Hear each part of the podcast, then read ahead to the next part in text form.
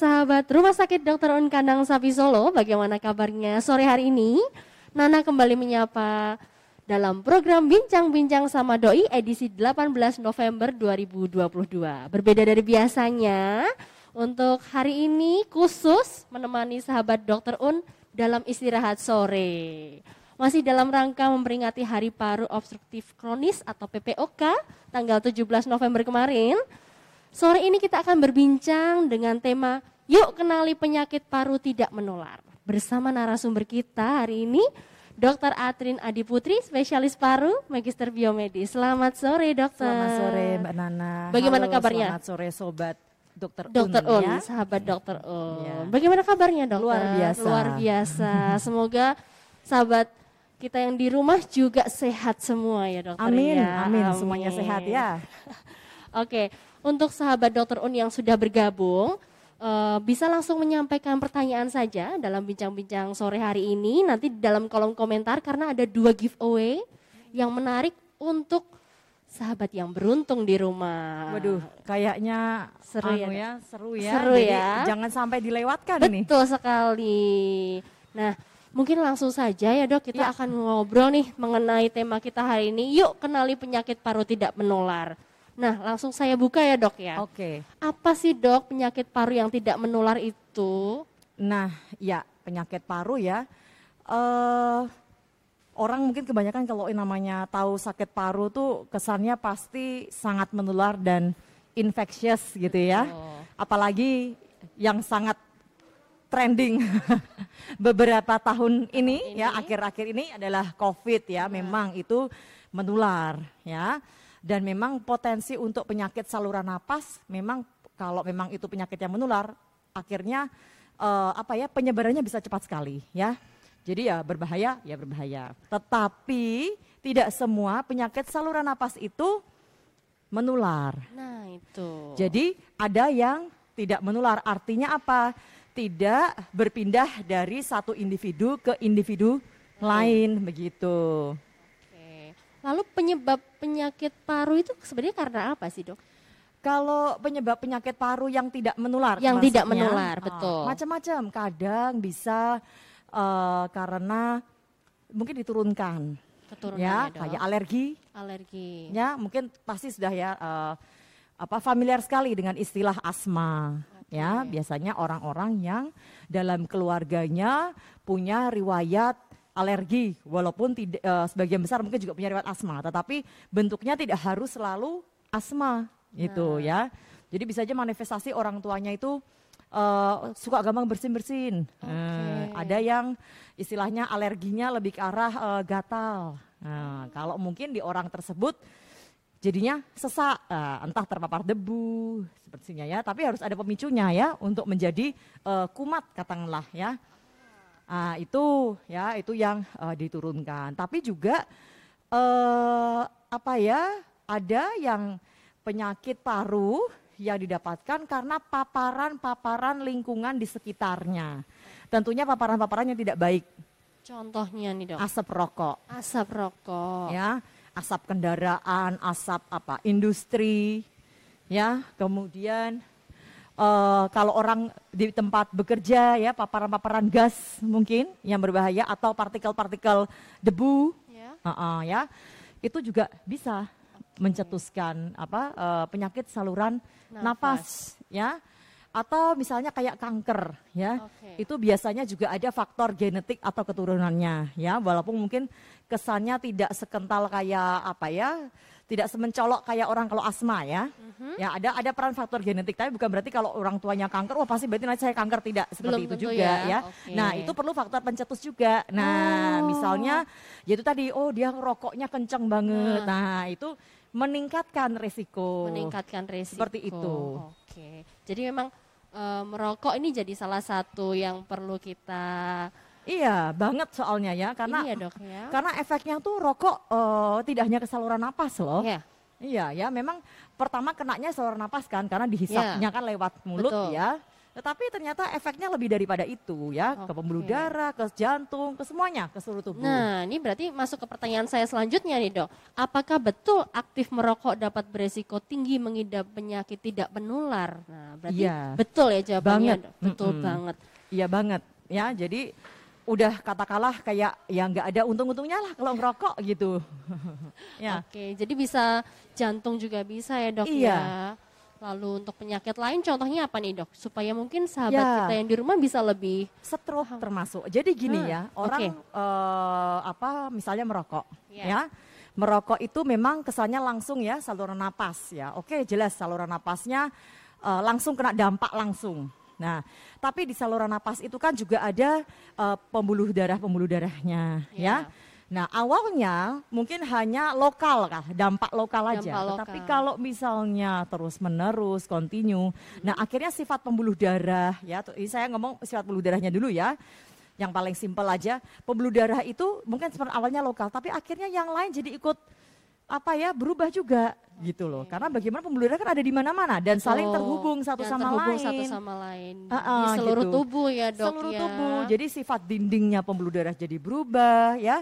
Kemudian alirannya pasti jadi mengikuti, jadi tidak lancar karena pembuluh darahnya kaku ya. Hmm. Oke. Terus jadinya gampang terjadi eh, sumbatan-sumbatan ya yang Nah. ke- awalnya harusnya pembuluh darah ini kan lancar ya. Betul. Alirannya lancar, tapi karena dindingnya jadi lebih kaku, pembuluh darahnya nggak elastis gitu, akhirnya banyak yang eh, istilahnya sumbatan-sumbatan gampang menempel ke dinding pembuluh darah. Nah, tinggal sumbatannya itu terjadi di mana, Oke. ya kan? Kalau sampai ke kepala atau otak, ya stroke bisa. Ke jantung bisa jadi Tergantung. serangan jantung. Jadi dampaknya bisa Ke mana-mana, ke mana-mana ya, dok, ya. gitu. Oke. Ini sudah ada pertanyaan nih dok dari sahabat dokter Un yang masuk dari Rona Rizka. No maaf, Rona Rista. Oke. Dok, apakah cara mendeteksi dini diri sendiri, apakah paru-paru kita sehat atau tidak baik-baik saja itu bagaimana mungkin maksudnya? Adakah cara? Ya, oke. Terima kasih ya Mbak Rona tadi ya. Rona, Pertanyaan yang bagus sekali Mbak Rona ya. Jadi gimana sih cara deteksinya ya? Mungkin memang dalam artian eh, dibilang, waduh, gam, ya apa ya, gampang-gampang susah ya, karena kita nggak bisa raba-raba paru kita juga. Nggak bisa raba-raba paru kita. Jadi satu, paling tidak eh, harus sadar diri dalam artian masalah keluhan. Oke. Apakah ada perubahan keluhan yang tidak wajar?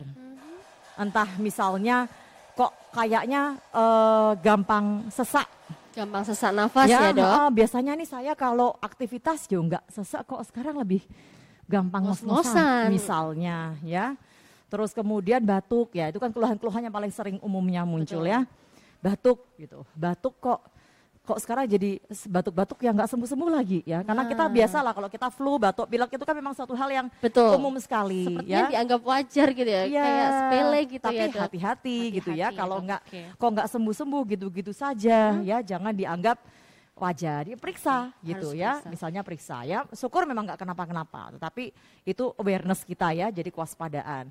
Nah kemudian katakanlah syukur nggak ada keluhan apa-apa ya. Mm-hmm. bisa silahkan cek misalnya fungsi paru. Mm-hmm. nah cek fungsi paru itu ada yang namanya alat spirometer. Nah, itu untuk mengetahui apakah di saluran napas kita itu ada eh, penyempitan ya atau eh, kemampuan eh, paru kita untuk mengembang. Nah, Ya. itu ada tahanan atau tidak. Oke. Ya, itu salah satu untuk eh, yang paling simple ya. Jadi bukan berarti harus ada keluhan baru periksa itu. Katakanlah kita mau medical check up kan? Betul Bisa kan? sekali. Nah, medical check up ya itu karena mungkin di budaya kita kurang ya untuk Ya, medical check up ya betul. tetapi sebenarnya itu bagus sekali ya jadi bukan periksa hanya pada saat sakit tapi pada Nah. saat sehat sehingga kita punya baseline Ya. pada saat ada keluhan kita periksa lagi bisa dibandingkan nah atau deteksi misalnya paling simpel ronsen dada Ronsen, ya Oke. walaupun memang eh, tidak bisa melihat secara detail, ya, Detail. tetapi kalau memang tidak ada keluhan, kemudian dari pemeriksaan fungsi paru, terus kemudian dari ronsen juga baik, ya kita tidak ada indikasi juga untuk melanjutkan yang lebih advance, ya. Oke. Tapi kalau bila ditemukan ada kelainan, ya tentunya kita pasti akan melakukan pemeriksaan-pemeriksaan lebih lanjut, lanjut lagi. gitu. Oke. Jadi untuk sahabat dokter Un di rumah ya dok, sebagai mengingatkan juga di rumah sakit kita juga tersedia nih berbagai macam paket MCO yang bisa mendukung sahabat dokter Un semua yang ingin periksa rutin ya dok ya. Ya, jadi bisa ya datang bisa ya langsung ke ke sini aja Un. nanti atau tanya-tanya via WA juga bisa. Iya, karena keluhan-keluhan yang eh, mungkin sifatnya kesannya dari saluran napas bisa juga berkaitan juga dengan organ Yang lain. lain. Nah, Oke. jadi eh, baiknya ya memang periksa, Periksa. gitu ya. Nah, pertanyaannya di dok, eh, kalau kita sehat ya dok, misal eh, dengan MCO ini baiknya dilakukan berapa jangka waktunya berapa bulan atau berapa tahun sekali gitu dok? Oke, tergantung MCU-nya apa dulu, Oke. ya. Khusus untuk paru ini mungkin Ah, dok. Jadi untuk- deteksi dini ini tadi dok. Jadi Mm-mm. baiknya kita rutinitas tuh berapa Ya. jangka waktunya? Kalau misalnya memang tidak ada keluhan apa-apa, katakanlah kalau pemeriksaan fungsi paru yang spirometri, ya mau setahun sekali juga nggak masalah, ya tidak. Tapi kecuali kalau ada perubahan bisa ya Oke, lebih cepat, lebih ya cepat. seperti itu.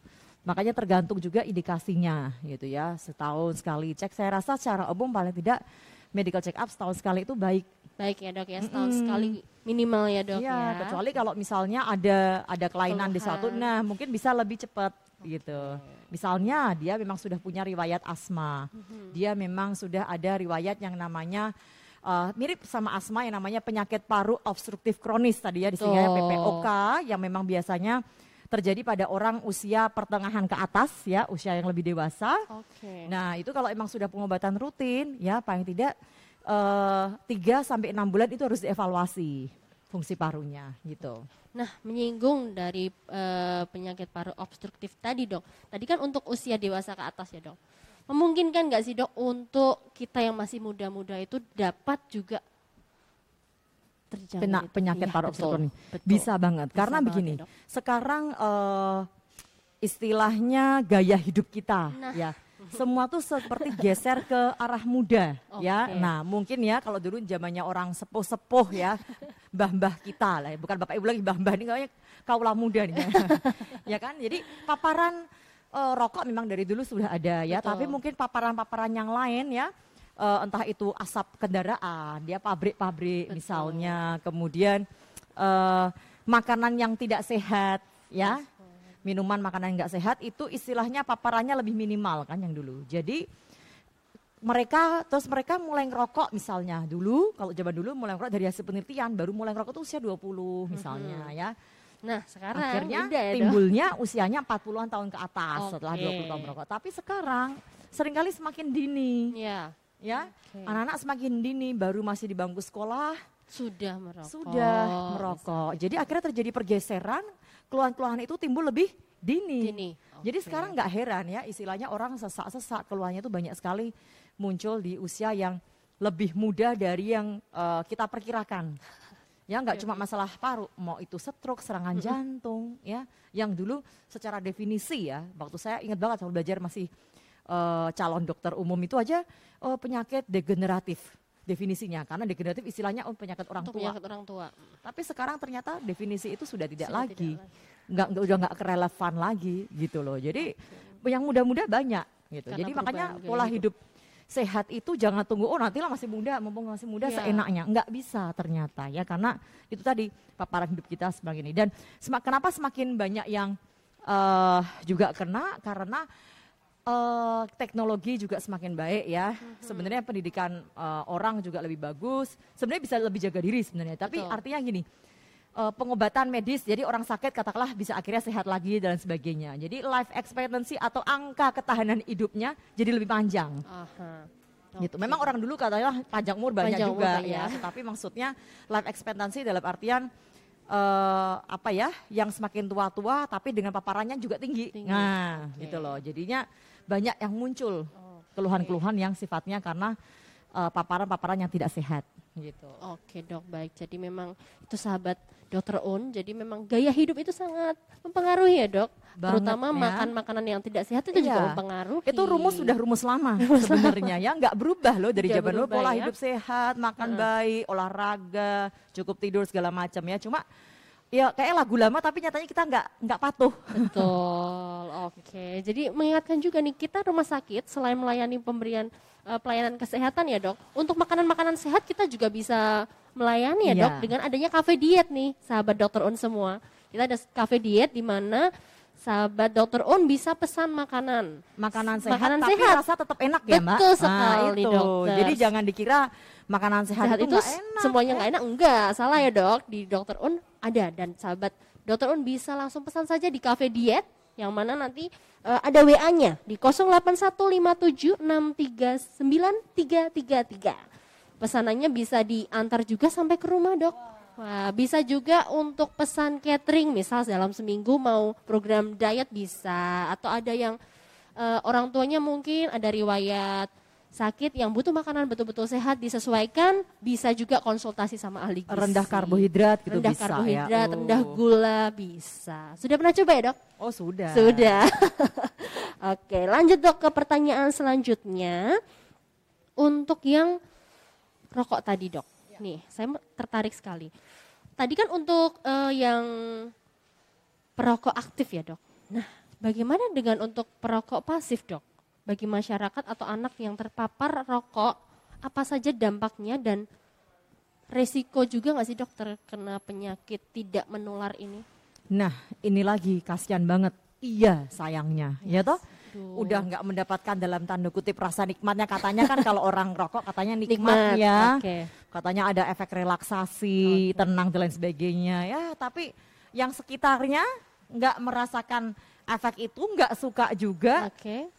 Tapi, Tapi kena. berdampak. kan? Iya, Kena. jadi kan anu bahaya, Bahaya juga ya, jadi ya. kita kalau ngerokok itu mikir gimana ya? Eh, jangan mikirkan diri sendiri, ya. Pikirkan orang-orang kita cintai di sekitar kita, ya Mhm. Ya. kan?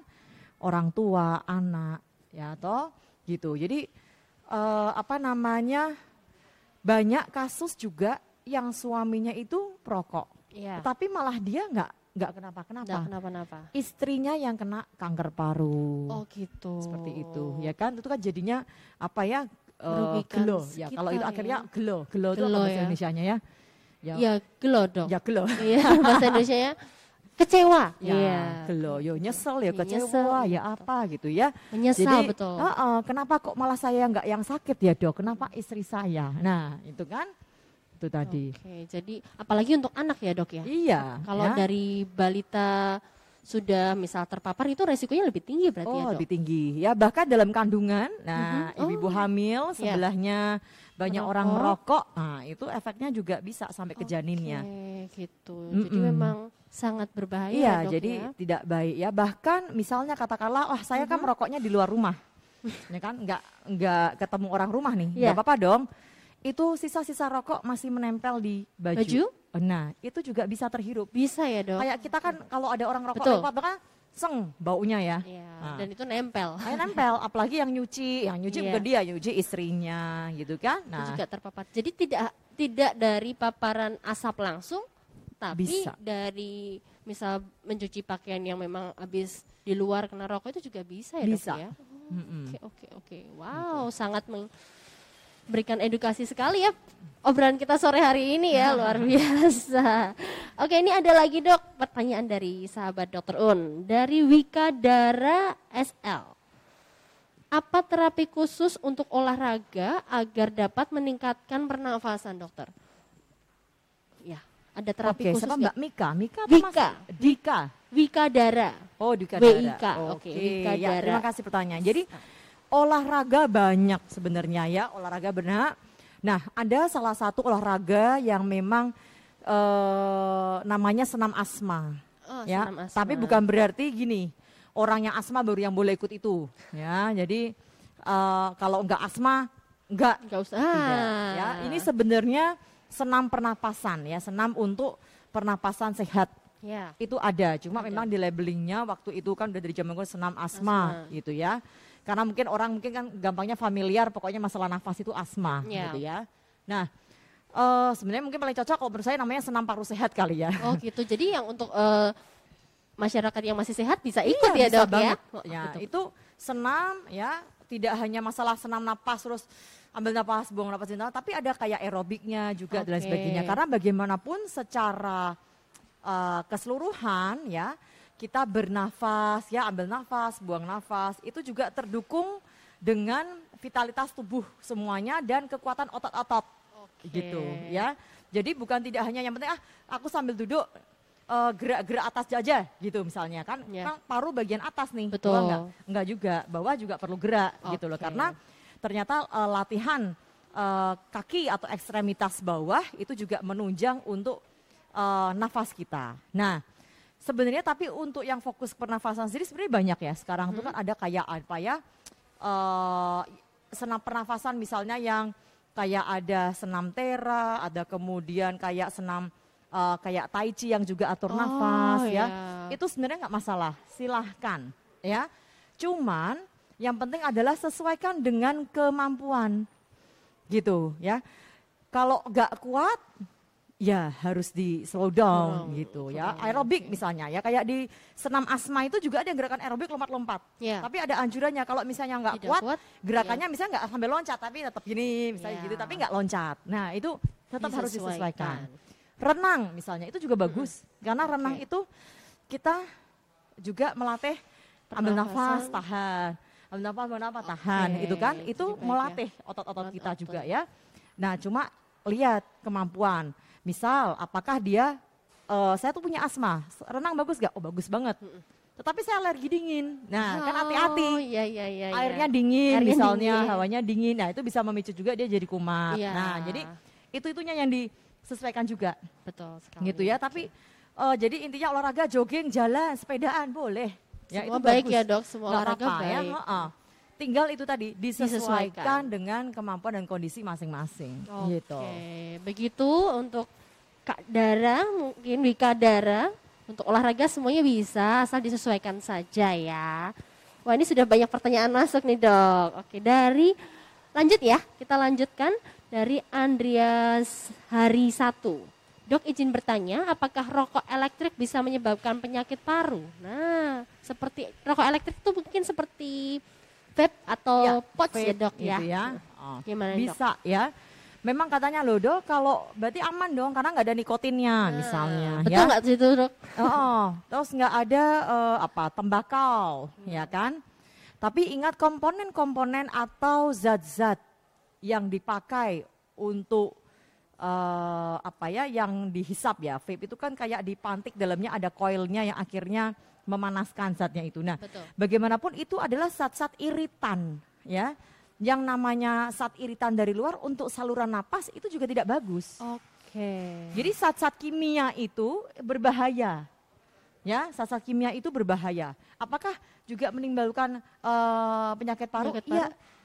Misalnya, ya kanker pun juga bisa Betul. gitu. Karena bagaimanapun itu namanya adalah ada zat iritan yang mengenai saluran napas. Yang namanya benda asing, ya, benda Hmm? asing paparan terus ke dalam saluran napas. Ingat loh, saluran napas kita tuh dalam tuh kayak daging. Katakanlah Oh gitu. kalau bayangkan daging Bayang. mentah, Hmm? kalian asepin jadi kayak begitu, itu kan sama aja Oh gitu. kena panas Iya, katakanlah betul, ya betul. toh bukan dipanggang bukan dibakar loh asepin aja kena Diasepin panas aja. itu kan akhirnya kan jadi gosong-gosong kan Betul. ya sama aja lah padahal saluran napas kita di dalam kan juga daging daging mentah kan maksud Iya. saya bukan yang kayak kulit yang ada kulit Oke, arinya kan bukan, kayak bukan. begini kayak kulit ari tapi mah kayak daging daging mentah nah Daging bayangan mentah. kalau daging kamu asepin jadi begitu itulah saluran napasmu juga diasepin Oke.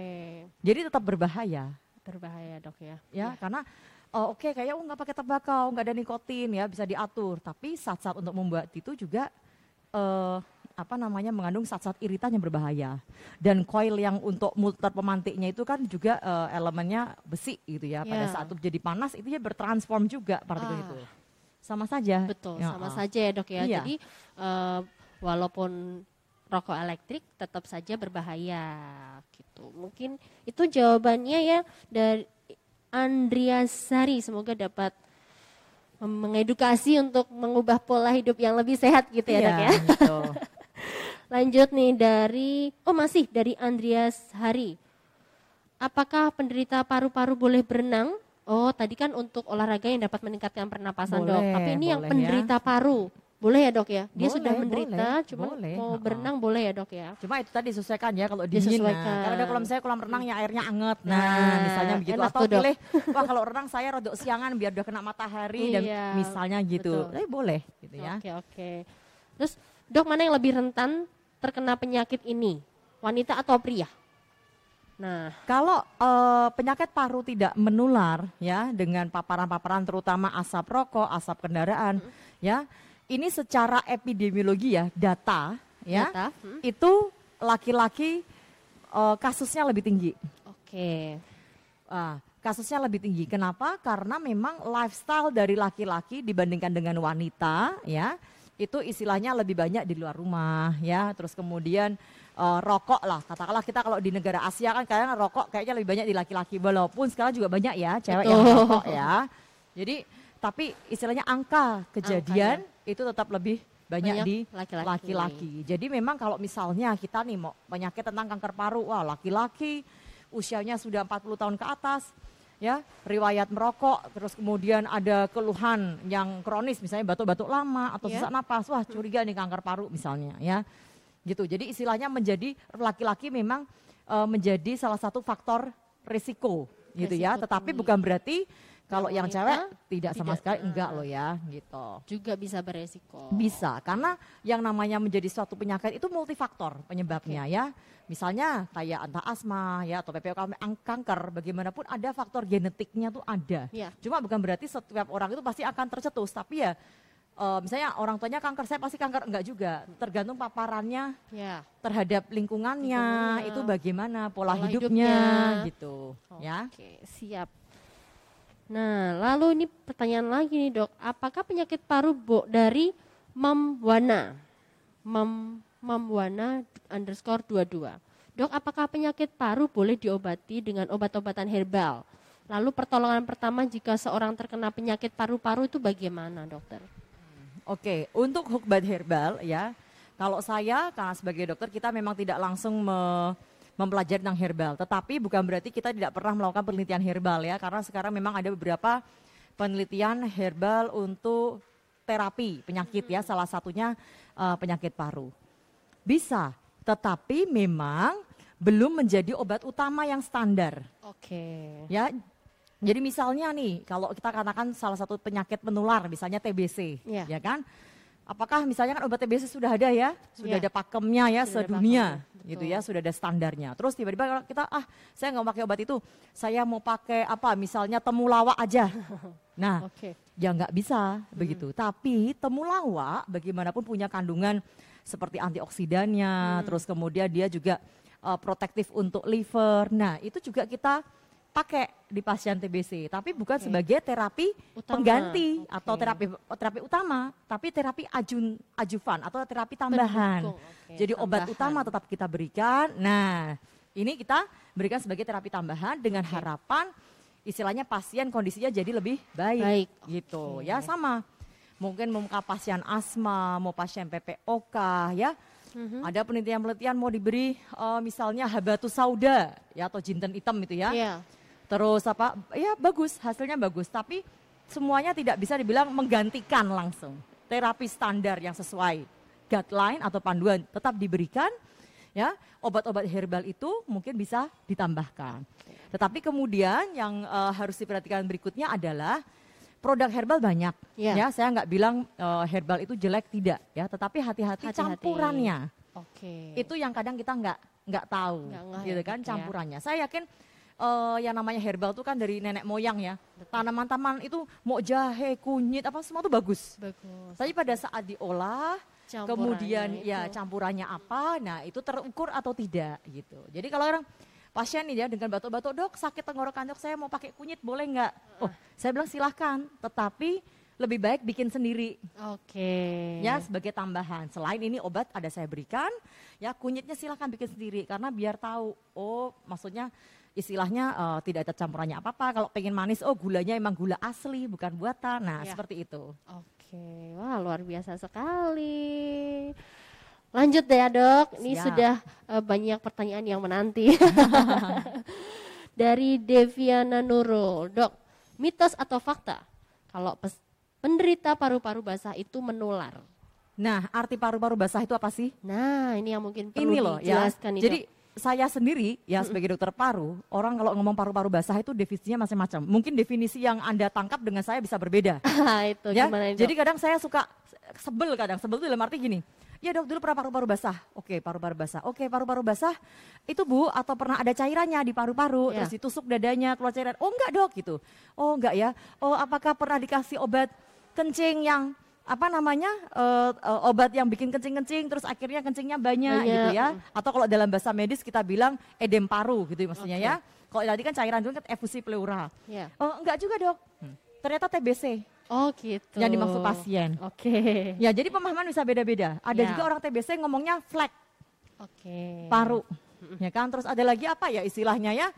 Eh, paru-paru basah, flek paru. Ada flek paru yang umumnya memang TBC ya umumnya. Tapi Ya. setelah tanya, oh saya pernah pernah flek, oh TBC bu, ya yang pengobatan lama 6 bulan. Enggak, ternyata ada datanya ternyata pneumonia. Oh, beda lagi. Jadi istilahnya macam-macam ya, Dok ya. Istilahnya macam-macam ya dan ini sebenarnya menjadi kembali kalau saya introspeksi menjadi apa ya PR kembali buat kita dokter sih ya kita kalau Baik. ngomong yang jelas biar ini nah tadi kan apa namanya makanya paru-paru basah itu apa dulu Menular tadi atau mitos atau faktanya apa dia tanya Mitos atau fakta kalau penderita paru-paru basah itu menular? nah ini apa dulu Apa dulu ya, Dok ya? Ah, Oke. ya kalau namanya kayak yang TBC kayak pneumonia ya menular. Menular. Kalau misalnya tadi kaitannya dengan edema paru yang tadi parunya bengkak karena eh, bengkak dalam artian karena beban jantung yang begitu besar sehingga cairan-cairannya banyak bocor di paru itu Mhm. tidak. Nah, apa dulu pemahamannya Jadi gitu ya? baiknya periksa dulu ya dok ke dokter ya. Itu jenis paru-paru basah yang dipahami itu yang Ah, apa nih apa konteksnya nih? sebenarnya? Oke Gitu. siap.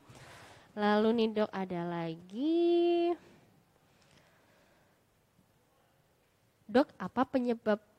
Oke ini dari masih dari Memwana underscore 22 dok apakah sering menghirup asap-asapan makanan atau asap-asapan aromaterapi bisa memicu penyakit paru jadi asap-asapannya bukan industri atau asap kendaraan tapi makanan atau aromaterapi Oke, kalau makanan ya selama misalnya ya makanan sih nggak masalah. Tapi gini bukan berarti yang panas terus uapnya terus menerus gitu ya, hirup dok, ya. Itu juga dibagusnya berarti Oke. uap air lah yang kita Aha. hirup ya. Dalam artian kalau misalnya cuma sekali dua nggak masalah. Tapi kadang eh, apa ya nanti bisa jadi meni- kalau yang sensitif bisa menimbulkan sesak juga gitu. Nah kalau aromaterapi ya aromaterapi itu lihat dulu. Nah tergantung kesensitifan orang-orang ya. Kalau aromaterapinya istilahnya di ruangan yang asal kita nggak langsung hirup eh, langsung cium, lang, cium langsung ya, tapi bau samar-samar itu tidak masalah sebenarnya. Tapi tergantung ketahanan masing-masing. Kalau memang dia ternyata sensitif, pasti juga nggak akan tahan. Bisa memicu maksudnya. bisa Aduh, memicu ya, memicu ya jadi sesak apa itu bisa. gitu. Oke, Ya, kalau emang orang yang punya bakat alergi atau sensitif. Jadi istilahnya saluran napasnya jadi reaktif sekali gitu loh, ada bauannya masuk. Nah, itu akhirnya memicu juga jadi kumat, jadi sesek. Bisa. Ada yang orang saya pasien karena dia jualan bawang, dia suka sesek terus. Bau bawang loh. Ya kan? Oh, gitu. Apakah bau bawang berbahaya? Kalau dibilang bau bawang berbahaya ya, ya enggak sebenarnya. Tetapi karena dia sensitif, Mhm. Jadinya itu berbahaya buat dia. Untuk dia. ya, Iya, Oke. gitu. Baik, wah. Lanjut dok, dari Deviana Nurul.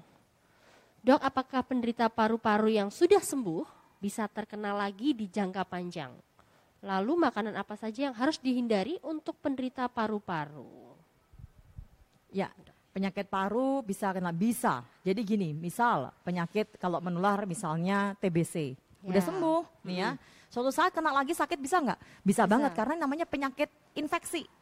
Kalau ketularan lagi ya bisa. Bisa. Sama kayak kita flu. Flu kan kita bolak-balik ya. Betul. belum belum ada seminggu sembuh ya balik lagi Balik gitu kan lagi. apalagi kalau musim-musim seperti ini sama prinsipnya seperti itu kena pneumonia udah sembuh suatu saat kok batu lagi ternyata pneumonia lagi bisa ya bisa saja karena itu penyakit infeksi nah kalau misalnya yang kayak penyakit asma nah asma cenderung misalnya oh bisa sembuh nggak sih asma kalau memang yang bakatnya karena alergi bawaan itu memang dalam tanda kutip ya nggak bisa sembuh ya Iya, karena sembuh. memang sudah istilahnya ya udah dibawa gitu ya punya ya, sifat dok. punya penciri Oke. cuman bisa dikontrol Nah, yang bisa kembali lagi adalah eh, asmanya akan tetap ada, cuma bisa dikontrol. Nah, yang bisa kembali lagi adalah masalah kumat-kumatannya iya. Nah, kalau ada Ah. pemicu, ya bisa Pasti kumat, kumat. lagi. Misalnya, Oke. makanya yang penting adalah harus mengenali masing-masing apa yang memicu karena setiap orang bisa berbeda. Betul. Mungkin secara umum kau biasa tuh kalau terpicu kalau misalnya karena uh, apa uh, dingin, dingin karena capek ya debu tapi tidak semuanya begitu. Tidak Ada yang bilang dok kalau saya dingin nggak apa-apa tapi kalau hawanya sumpek malah saya jadi sesek. Nah nggak masalah. Jadi intinya saya selalu mau mengajak pasien saya, ayo kenali kamu itu kalau kumat karena apa. Jadi terapi utamanya adalah itu ya supaya diri sendiri dulu ya dok ya oh, harus mengenali diri kira-kira apa ya? Jadi kalau enggak aduh nggak tahu ya dok. Oh, yuk nanti kapan kontrol lagi? Sambil di rumah diamatin. Ya. Gitu ya. Dan itulah yang terapi utamanya. Obat itu hanya membantu. Mm-hmm. ya tetapi yang utama adalah menghindari pencetus ya. Salah satunya termasuk asap rokok jelas. Ya. orang udah yang punya asma anak muda oh masih ngerokok lagi gimana mau ter terkontrol jadi kita okay. harus membuat itu dalam level terkontrol, terkontrol. gitu baik ya. Oke. Lalu Oh tadi dok yang makanan-makanan tadi? Oh iya, makanan kalau yang makan. nah, dapat pendukung? Makanan khusus untuk paru kan banyaknya dok. Pantangannya apa ya? nah, ya? Ada ya dok ya pantangannya ya? Nggak ada sebenarnya. Pantangan khusus sebenarnya nggak ada ya. Dalam artian gini, misalnya kalau orang punya diabetes kan, aduh jangan makan manis-manis dong gitu kan ya. Darah tinggi jangan yang asin-asin. Sebenarnya paru hmm. enggak. Hmm. Ya, sehat bergizi pada umumnya, ya sehat bergizi pada umumnya, bervariasi dan sebagainya. Paling yang kita nasihatkan gini, ya kalau misalnya orangnya sensitif ya, misalnya oh jangan makan es, apakah es langsung akan membuat paru jelek? Sebenarnya tidak, ya, ya atau makan yang apa ya keripik-keripik uh, gurih-gurih gitu kan enak ya. Itu apa kalau makan itu anu nanti akan membuat saluran apa pencar saluran nafasnya jadi jelek atau parunya jelek? Tidak. Cuma kadang itu bisa menimbulkan uh, sensitif ya di area tenggorokan, kita. Nah, okay. kadang aja lah kita yang saya kan kalau kita habis makan yang gorengan-gorengan kan nggak yeah. gitu kan ya. Ya, itu normal ya. Mungkin kita dengan minum saja apa udah hilang sesaat hilang. saja. Tetapi yeah. kalau orang yang sensitif itu bisa berkepanjangan. Oke, kembali ke orangnya berarti ya dok ya. Iya gitu. Tapi sebenarnya bukan berarti oh kalau maam itu nanti parunya jelek enggak gitu ya. Jadi sehat bergizi pada umumnya. Gitu. Oke siap. Wah luar biasa. Nah ini mungkin dari Francisca Evodia. Dok, anak saya riwayat asma dari usia 7 bulan sampai 4 tahun ini. Dan sangat sensitif sekali. Bagaimana caranya supaya nggak terlalu sensitif dengan pemicu asmanya ya dok? Ini berarti harus dikenali ya dok nah, ya. pemicu asmanya apa dulu? Nah, ya kan? Okay. Memang ada teknik yang katanya desensitisasi. Desensitisasi itu maksudnya dipaparkan dikit dikit dikit dikit supaya kayak kebal kebal kebal lama-lama nggak apa-apa. Itu memang hmm. memang ada, tetapi tetap harus dengan pantauan dokter ya. Yeah. Jadi jangan uh, sembarangan takutnya malah me mengeksaserbasi. Nah, intinya cari tahu dulu. Cari tahu dulu. Ya, apa pemicunya hmm. gitu. Dan uh, setelah itu ya paling tidak itu diminimalisir, diminimalisir. Kemudian untuk kondisi rumah, bagaimanapun ya, yang sebaik adalah sirkulasi udara harus bagus. Okay. Jadi aliran udara itu berputar gitu loh. Jadi jangan apa seharian besoknya ya udaranya gitu-gitu aja. Nanti mau pakai AC kayak mau pakai kipas kayak yang diputar itu tuh aja. Jadi setiap pagi buka itu semua jendela. Biar yang udara di dalam ruangan keluar ganti yang baru. Ganti Sinar yang matahari baiknya juga masuk, masuk. dalam rumah ya. Mm -mm ya karena kuman-kuman tuh katakanlah takut uh, akan sinar matahari dan kalau rumah itu jadi hangat tidak lembab itu juga lebih bagus okay. gitu. Oke, berarti tetap kan kalau tadi kan uh, yang harus kita ketahui kalau orang dewasa mungkin sudah tahu ya dok sensitifnya apa. Jadi kalau untuk anak-anak ya memang orang tua juga ya, harus, harus berperan jeli ya dok ya, ya mau tahu mm -hmm. ya. Atau kalau emang bakat alerginya sangat uh, kuat ya, ada tes hmm. yang namanya tes alergi skin prick test ya. Jadi istilahnya okay. di kulit itu di cek apa Dicek. saja sih dia uh, alerginya itu juga okay. ada seperti, seperti itu. Siap siap. Wow. Oke, okay, mungkin ada sahabat dokter Un lagi yang mau bertanya. Ini hampir semua pertanyaan sudah kita jawab nih dok. Mungkin ada pertanyaan yang tidak saya sebutkan karena tadi di awal sudah dijawab, sudah kita jelaskan. Jadi mungkin nanti bisa ditonton lagi videonya. Karena untuk uh, tayangan hari ini akan ditayangkan kembali nanti di Instagram at rs.dokterun SKA. Jadi yang ketinggalan nggak gitu. takut ya Betul mana ya? sekali. Jadi nanti tetap bisa nonton ulang. Bisa di share juga nggak? Bisa dong. Hmm. Nanti kita share. yang belum follow juga boleh ya dok ya untuk rumah sakit dokter Uni ini nanti kan ada IG-nya jadi follow. Jadi untuk tadi sahabat Drunska yang sudah memberikan pertanyaan-pertanyaan yang masuk kita akan undi yang beruntung akan dapat giveaway. Yeay. Menarik ya dok ya. Oke ini masih masuk lagi nih dok dari Andrea Zari satu. Dok apakah orang yang sering mengeluarkan dahak adalah salah satu tanda gejala paru-paru?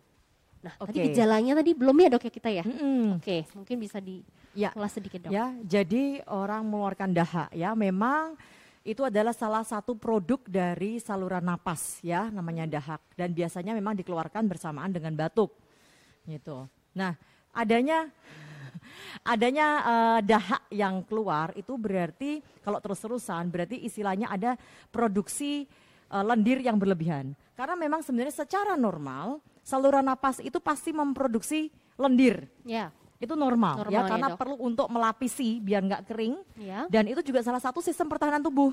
Kita kan hirup napas ini kan kotor ya, Hmm. debu, seliwar-seliwar banyak, kuman banyak, ribuan ya. Ya. Tapi kan kita nggak bisa pilih-pilih, ya. Udara masuk, masuk ke saluran napas. Nah, Ya. oleh lendir-lendir itu ditangkepin, katakanlah kayak ketangkap ke situ, kemudian digulung.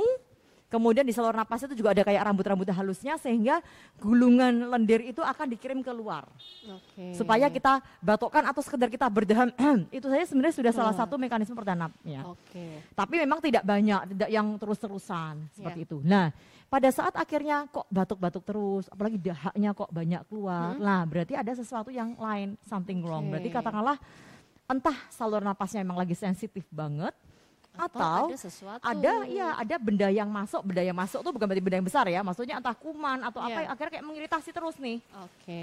sehingga dia sehingga tubuh meresponnya dengan wah ada ada sesuatu yang nggak benar ya ayo kita produksi lendirnya lebih banyak karena itu masalah tadi saya bilang itu salah satu pertahanan tubuh Pertahanan nah tubuh, maksudnya oke.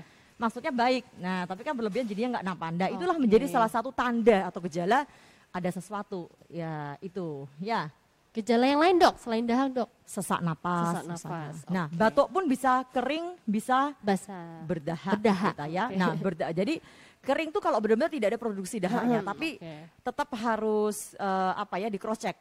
Kadang orang taunya eh, batuknya berdahak nggak pak? Oh nggak ada nggak ada dahak keluar. Jangan langsung oh ini berarti kering. Enggak. Jangan-jangan sebenarnya berdahak tetapi sulit keluar. Tidak Itu sering keluar. kali terjadi. Jadi orang maunya kalau nggak keluar nggak ada dahaknya. Padahal begitu didengerin batuknya grok. Saya lendirnya ngumpul di sini. Jadi kita harus cross check. Jadi karena pengobatannya akan berbeda Ya. ya. Dan itu kan ada tanda-tandanya istilahnya penyakit. Misalnya penyakit paru ini kecenderungan dahaknya seperti apa batuknya seperti apa ini apa gitu ya. Kemudian batuk ya sesak napas apalagi Eh, nyeri dada. Nyeri dada. bisa ya. Nyeri dada. Itu yang paling umum ya. Terus kemudian sesaknya apakah sesak sekedar sesak menggeh-menggeh begitu atau sampai bunyi ngik ngik. Nah itu juga bisa ya sampai timbul keluhan seperti itu. Itu yang paling secara umum untuk keluhan eh, khusus saluran napas. Atau kalau misalnya batuk berdahak sampai batuk darah misalnya. Oh, mengeluarkan mengeluarkan ya. darah ya. Apakah itu hanya semburat atau apakah biuk darah semua? Ya itu makanya periksa ya. Karena penyebabnya bisa macam-macam. Bukan berarti wah kalau saya ini pasti saya TBC atau saya pasti kanker paru. Belum, Belum tentu, tentu. gitu. Penyebabnya bisa macam-macam gitu. Baik, oke dokter Atrin. Oke mungkin eh, penutup nih dok, pertanyaan penutup. Iya. Saran dan pesan nih dari dokter untuk sahabat dokter Un semua di rumah terkait tema kita hari ini. Ya. Silahkan dok. Ya, jadi intinya ya uh, untuk sobat dokter Un ya Betul. semua yang ada di rumah ya jagalah uh, paru-parumu karena paru-parumu cuma dua dan itu dipakai sampai seumur hidup. Dua-duanya gantinya. ya dok, dua-duanya dipakai ya dok ya. Dipakai, nggak ada gantinya ya. Oke. Baju kotor bisa dilepas, ganti beli baru. Paru-paru nggak ada. Ya. Jadi sayangilah ya tema tema dari eh, apa namanya PPOK dunia Betul, ya yang pada eh, yang jatuh tadi ya Iya, bulan kemarin. ini itu adalah eh, paru yang sehat untuk hidupmu. Betul. Nah gitu ya. Jadi maksudnya kita harus menjaga gitu loh paru-paru kita ya. Jadi yang jaga siapa? Ya diri, diri kita, kita. sendiri gitu. Mulai dari sekarang. Ya, mulai dari mana? Mulai dari diri kita sendiri, mulai dari sekarang. Karena jika Anda ingin hidup berkualitas sampai akhir hayat, maka jaga kesehatan. gitu ya. Ya, luar biasa. Terima kasih Dokter Atrin untuk sarannya dan pesannya untuk sahabat Dokter Un di rumah. Karena paru-paru kita cuma dua. Kanan kiri nggak bisa nggak oh, bisa ganti. hilang satu nggak apa-apa enggak pasti nanti Nggak. kualitas hidupnya sudah turun sekali ya Betul, jadi oke. tetap harus ada dua-duanya dan baik berfungsi ya. Iya betul. Oke dokter. Dan juga mengingatkan nih sahabat Dronska di mana rumah sakit merupakan salah satu lokasi yang bebas dari asap rokok. Demi menjaga kesehatan seluruh sivitas hospitalia, maka mari kita taati dan sadari adanya aturan ini. Saling jaga gitu ya dok ya. Jadi kalau di rumah sakit, di area rumah sakit dilarang merokok begitu. Dan untuk menutup juga rumah sakit Dr. O nanti kalau memang ada gejala seperti yang disampaikan tadi seperti uh, yang sudah kita obrolkan hari ini sahabat Dr. Un bisa langsung periksa saja ke rumah sakit nanti daftarnya kita sudah ada aplikasi dok jadi dari rumah nggak perlu antri daftar lagi online, ya. betul ya? daftar online dari rumah dan langsung bisa lihat antriannya dan sekarang fitur terbaru bisa daftar maksimal dua jam sebelum pemeriksaan.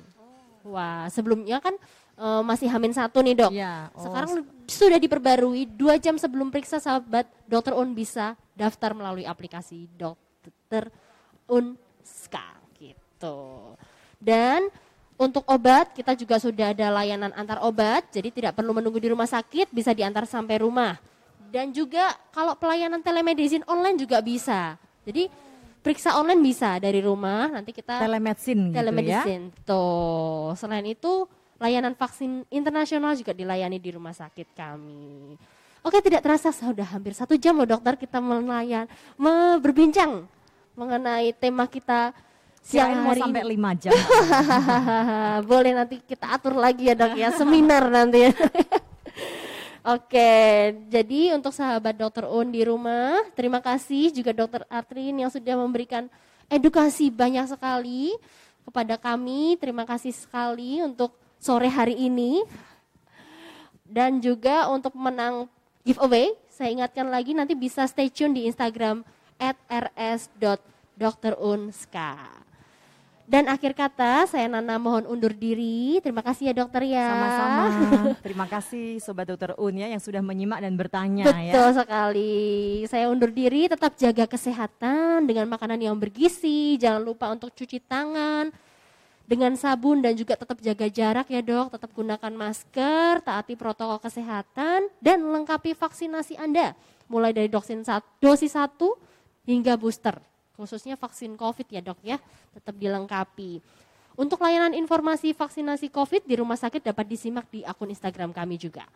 Oke akhir kata Rumah Sakit Dr. Kandang Sapi Solo tetap aman untuk Anda semua dan sampai jumpa di Bincang-Bincang sama Doi minggu depan. Terima kasih, dadah.